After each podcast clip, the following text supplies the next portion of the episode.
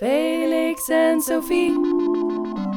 Felix en Sophie. Felix en Sophie. Felix en Sophie. Felix en Sophie. Felix en Sophie. Felix en Sophie. Felix en Sophie. Felix en. Hallo en leuk dat je luistert naar de Felix en Sophie podcast. Met deze keer de editie van afgelopen april getiteld Familie of Plaag over onze relatie met dieren. Je gaat luisteren naar Denker des Vaderlands Marian Slop, tevens ook lid van de Raad voor Dierenaangelegenheden. Veel luisterplezier.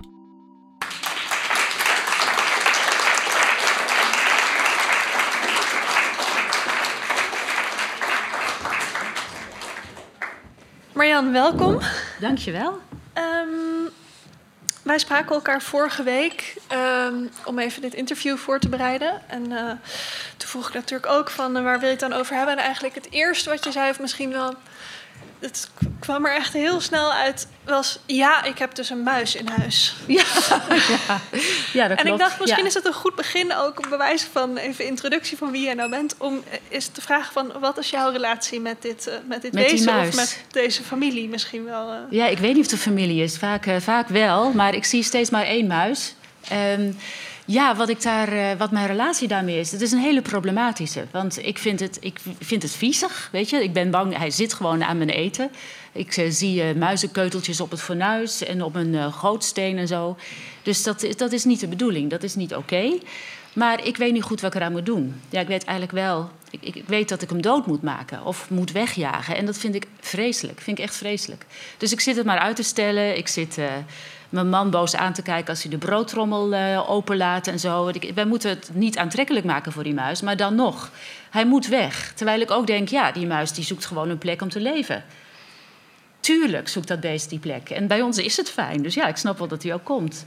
Het is echt lastig om, eh, om, ja, om daar een verhouding toe te vinden. En om, ehm, om te beslissen. Om, om over zijn lot te beslissen eigenlijk. Want dat is het natuurlijk.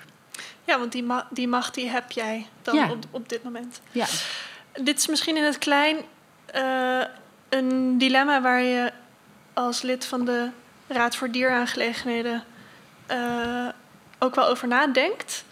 Ehm, kan jij iets vertellen over wat dat voor raad is en, en wat je daar tegenkomt? Ja, de eh, Raad voor Dierenaangelegenheden, dat is een adviesraad, zoals ook de Gezondheidsraad een adviesraad is. En eh, de Raad voor Leefomgeving en Infrastructuur, allemaal adviesraden voor de regering.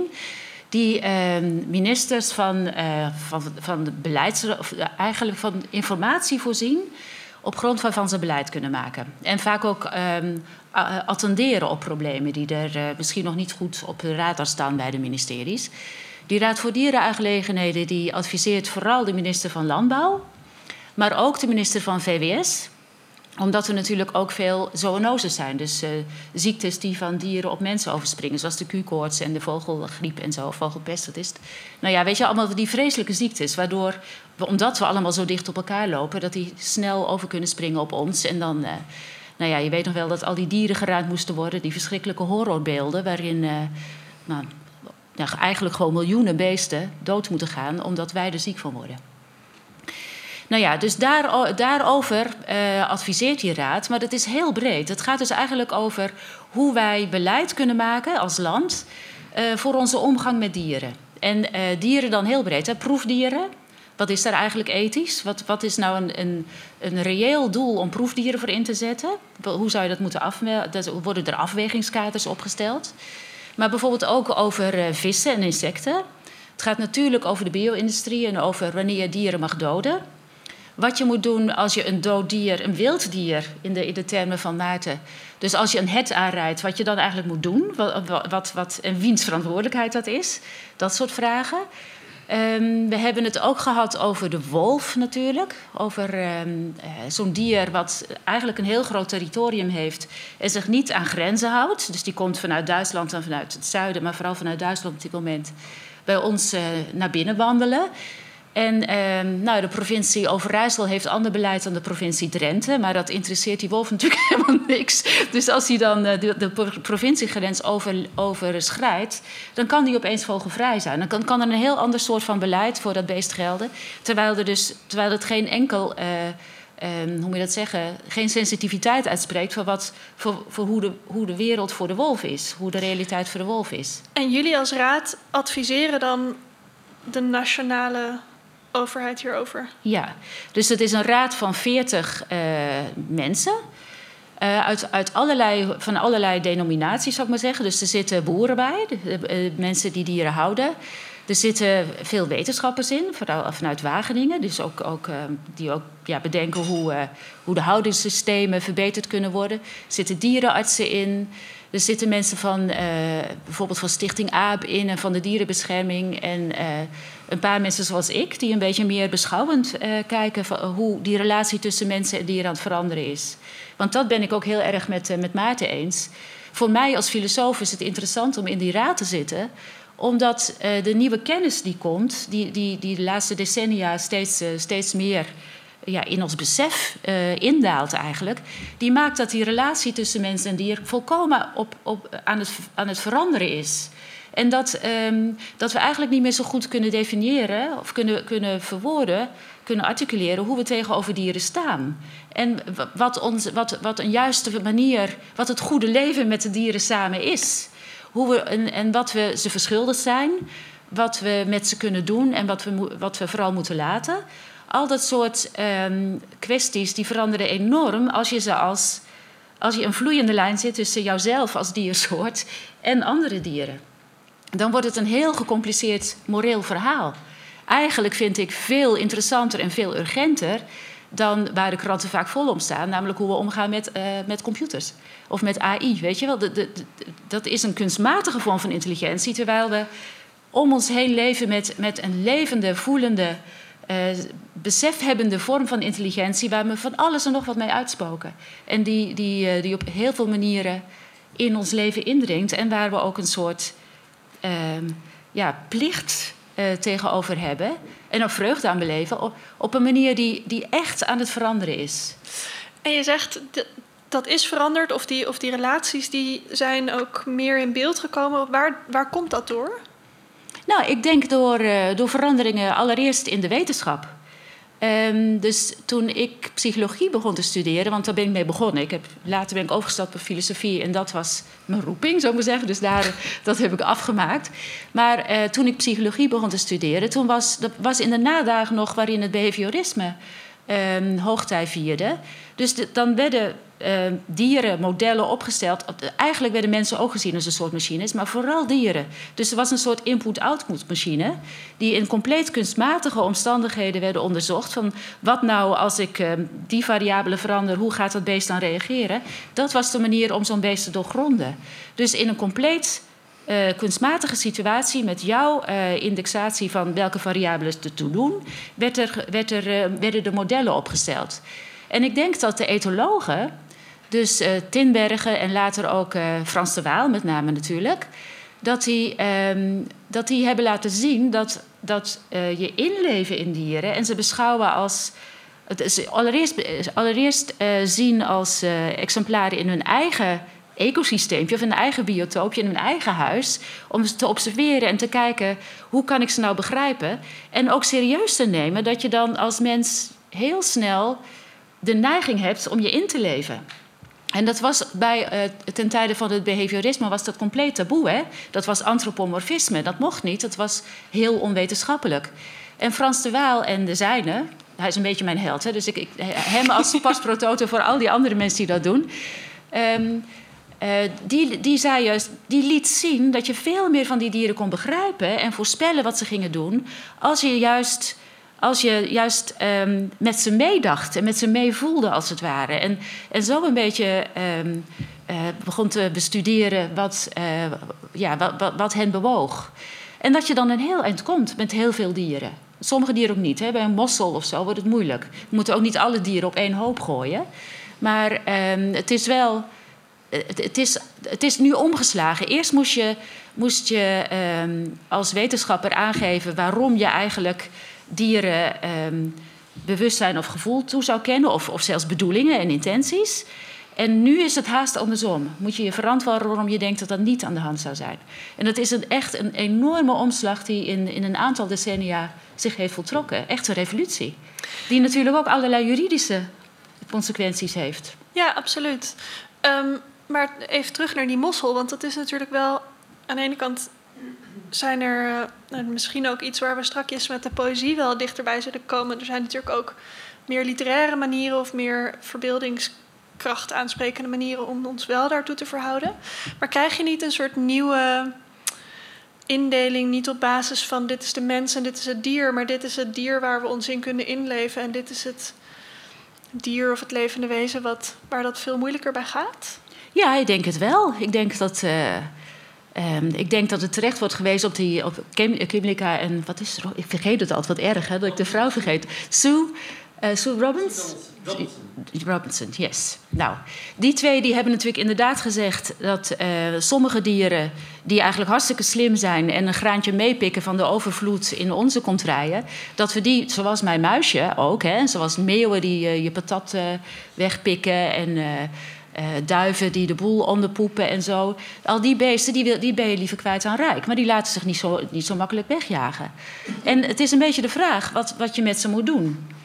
Um, dus het, en ik denk dat daar kun je dan misschien nog een beetje bij inleven, omdat je, omdat, omdat je hun vernuft kunt, uh, kunt bewonderen of zo. En hun, de drang om, uh, ja, om een goed leven te leiden voor hen in hun ter termen. Ik denk dat het bij heel veel insecten moeilijker wordt. Um, bij teken of zo. Hè. Ik, bedoel, ik kan me misschien wel inleven, maar ik wil, ook, uh, wil ze ook niet.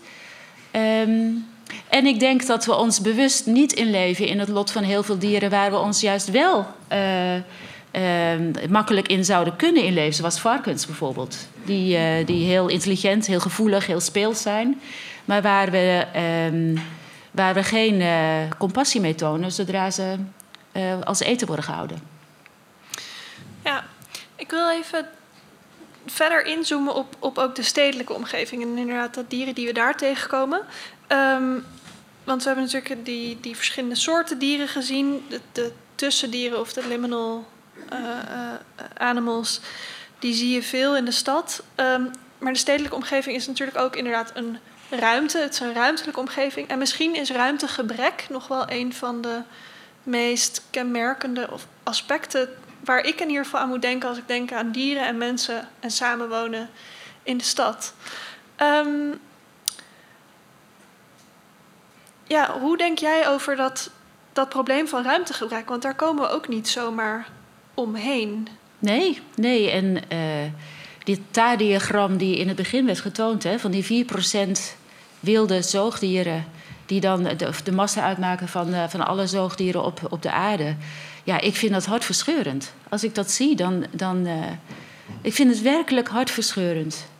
De, de monocultuur die ontstaat door, doordat we alleen naar onze eigen behoeftes kijken. En natuurlijk, weet je, je hoeft je niet te schamen voor je behoeftes. Maar hier, hier gaat wel iets gierend mis. Hier, hier loopt iets compleet uit de klauwen.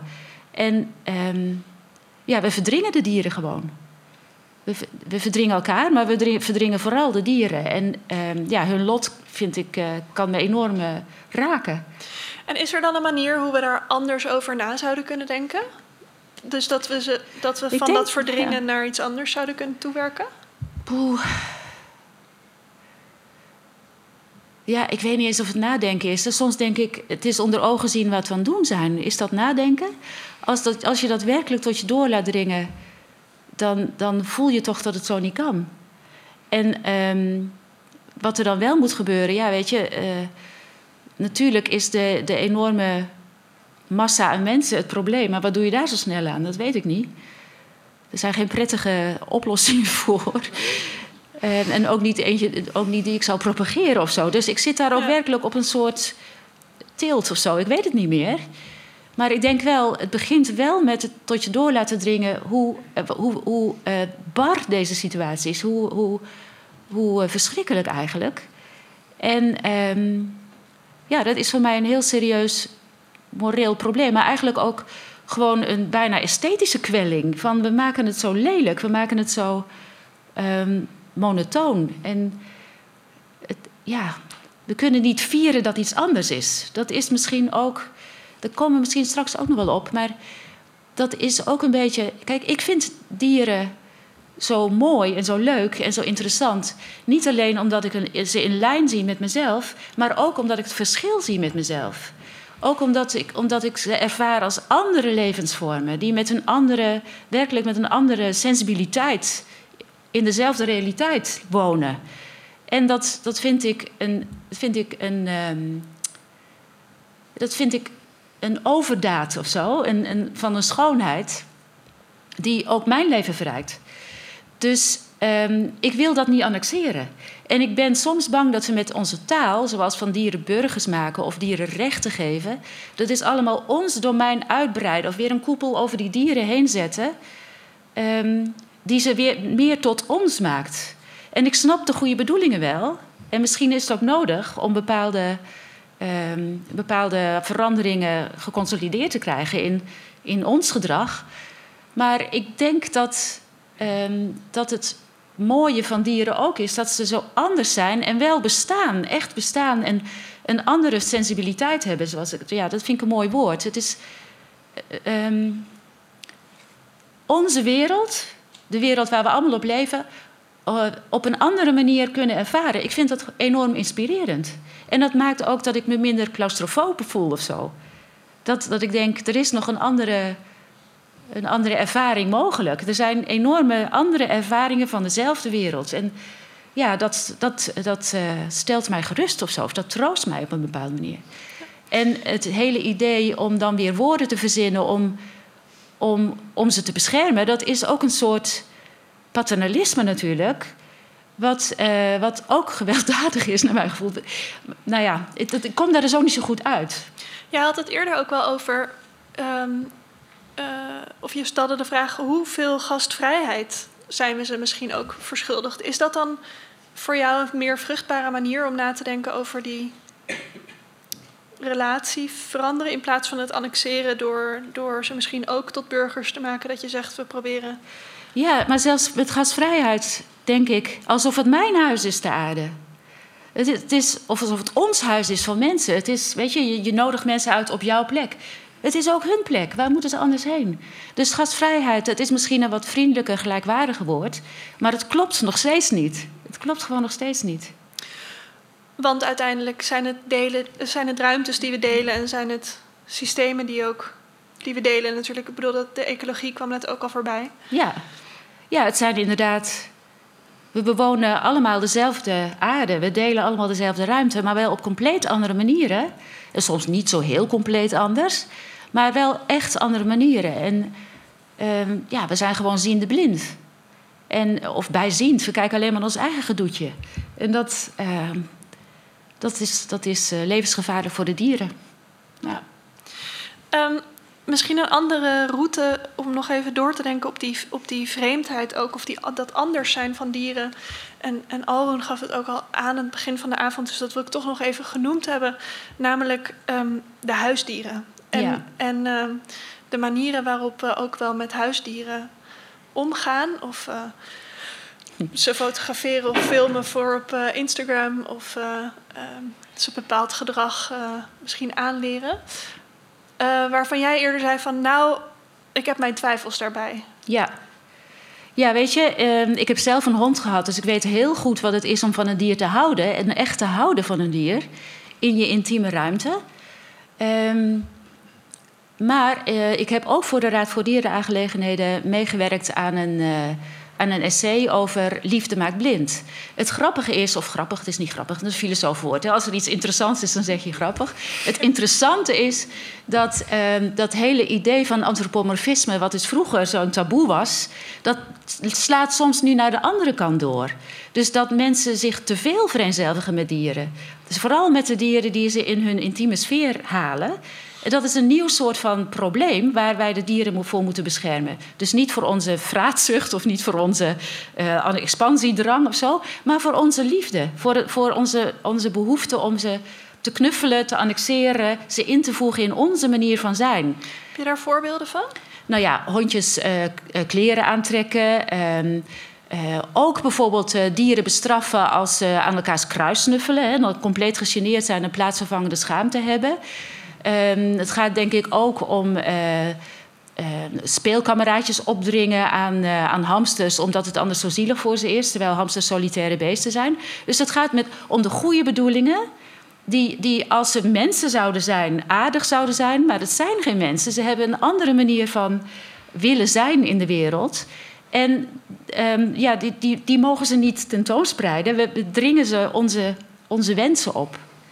En um, dat is een nieuw soort. Kijk, in het recht, want die Raad voor Dierenaangeleden die, die uh, adviseert dus vooral het beleid. Nou ja, dat gaat dan vaak over regelingen, afwegingskaders, wetten uiteindelijk.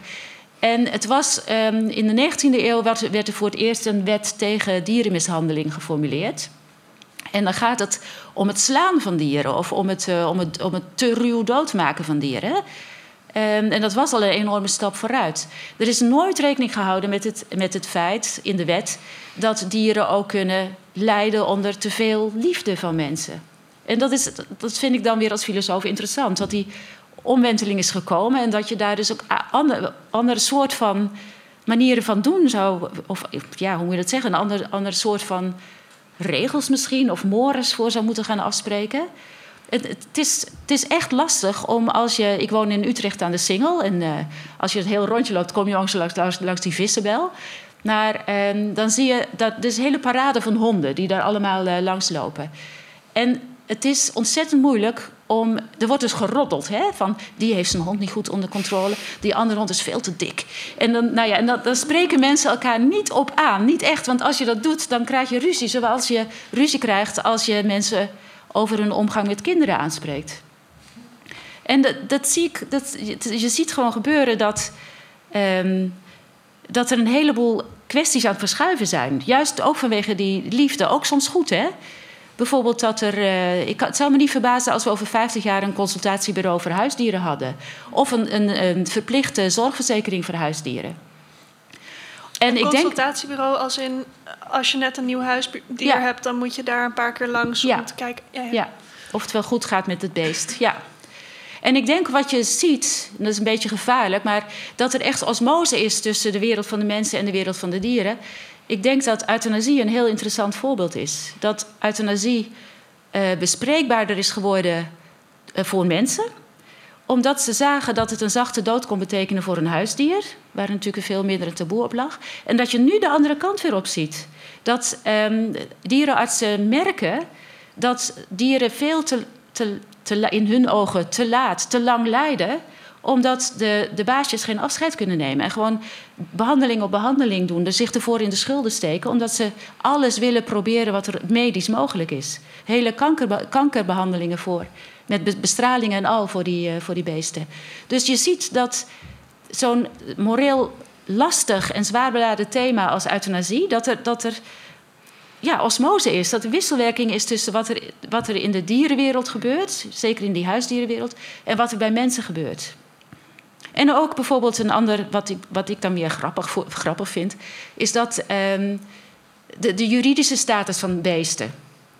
Eigenlijk zijn het een soort van goederen meestal. Dus als ik een rashond koop en ik hou het aankoopbewijs, dan is die hond van mij. Dat is dat mijn goed.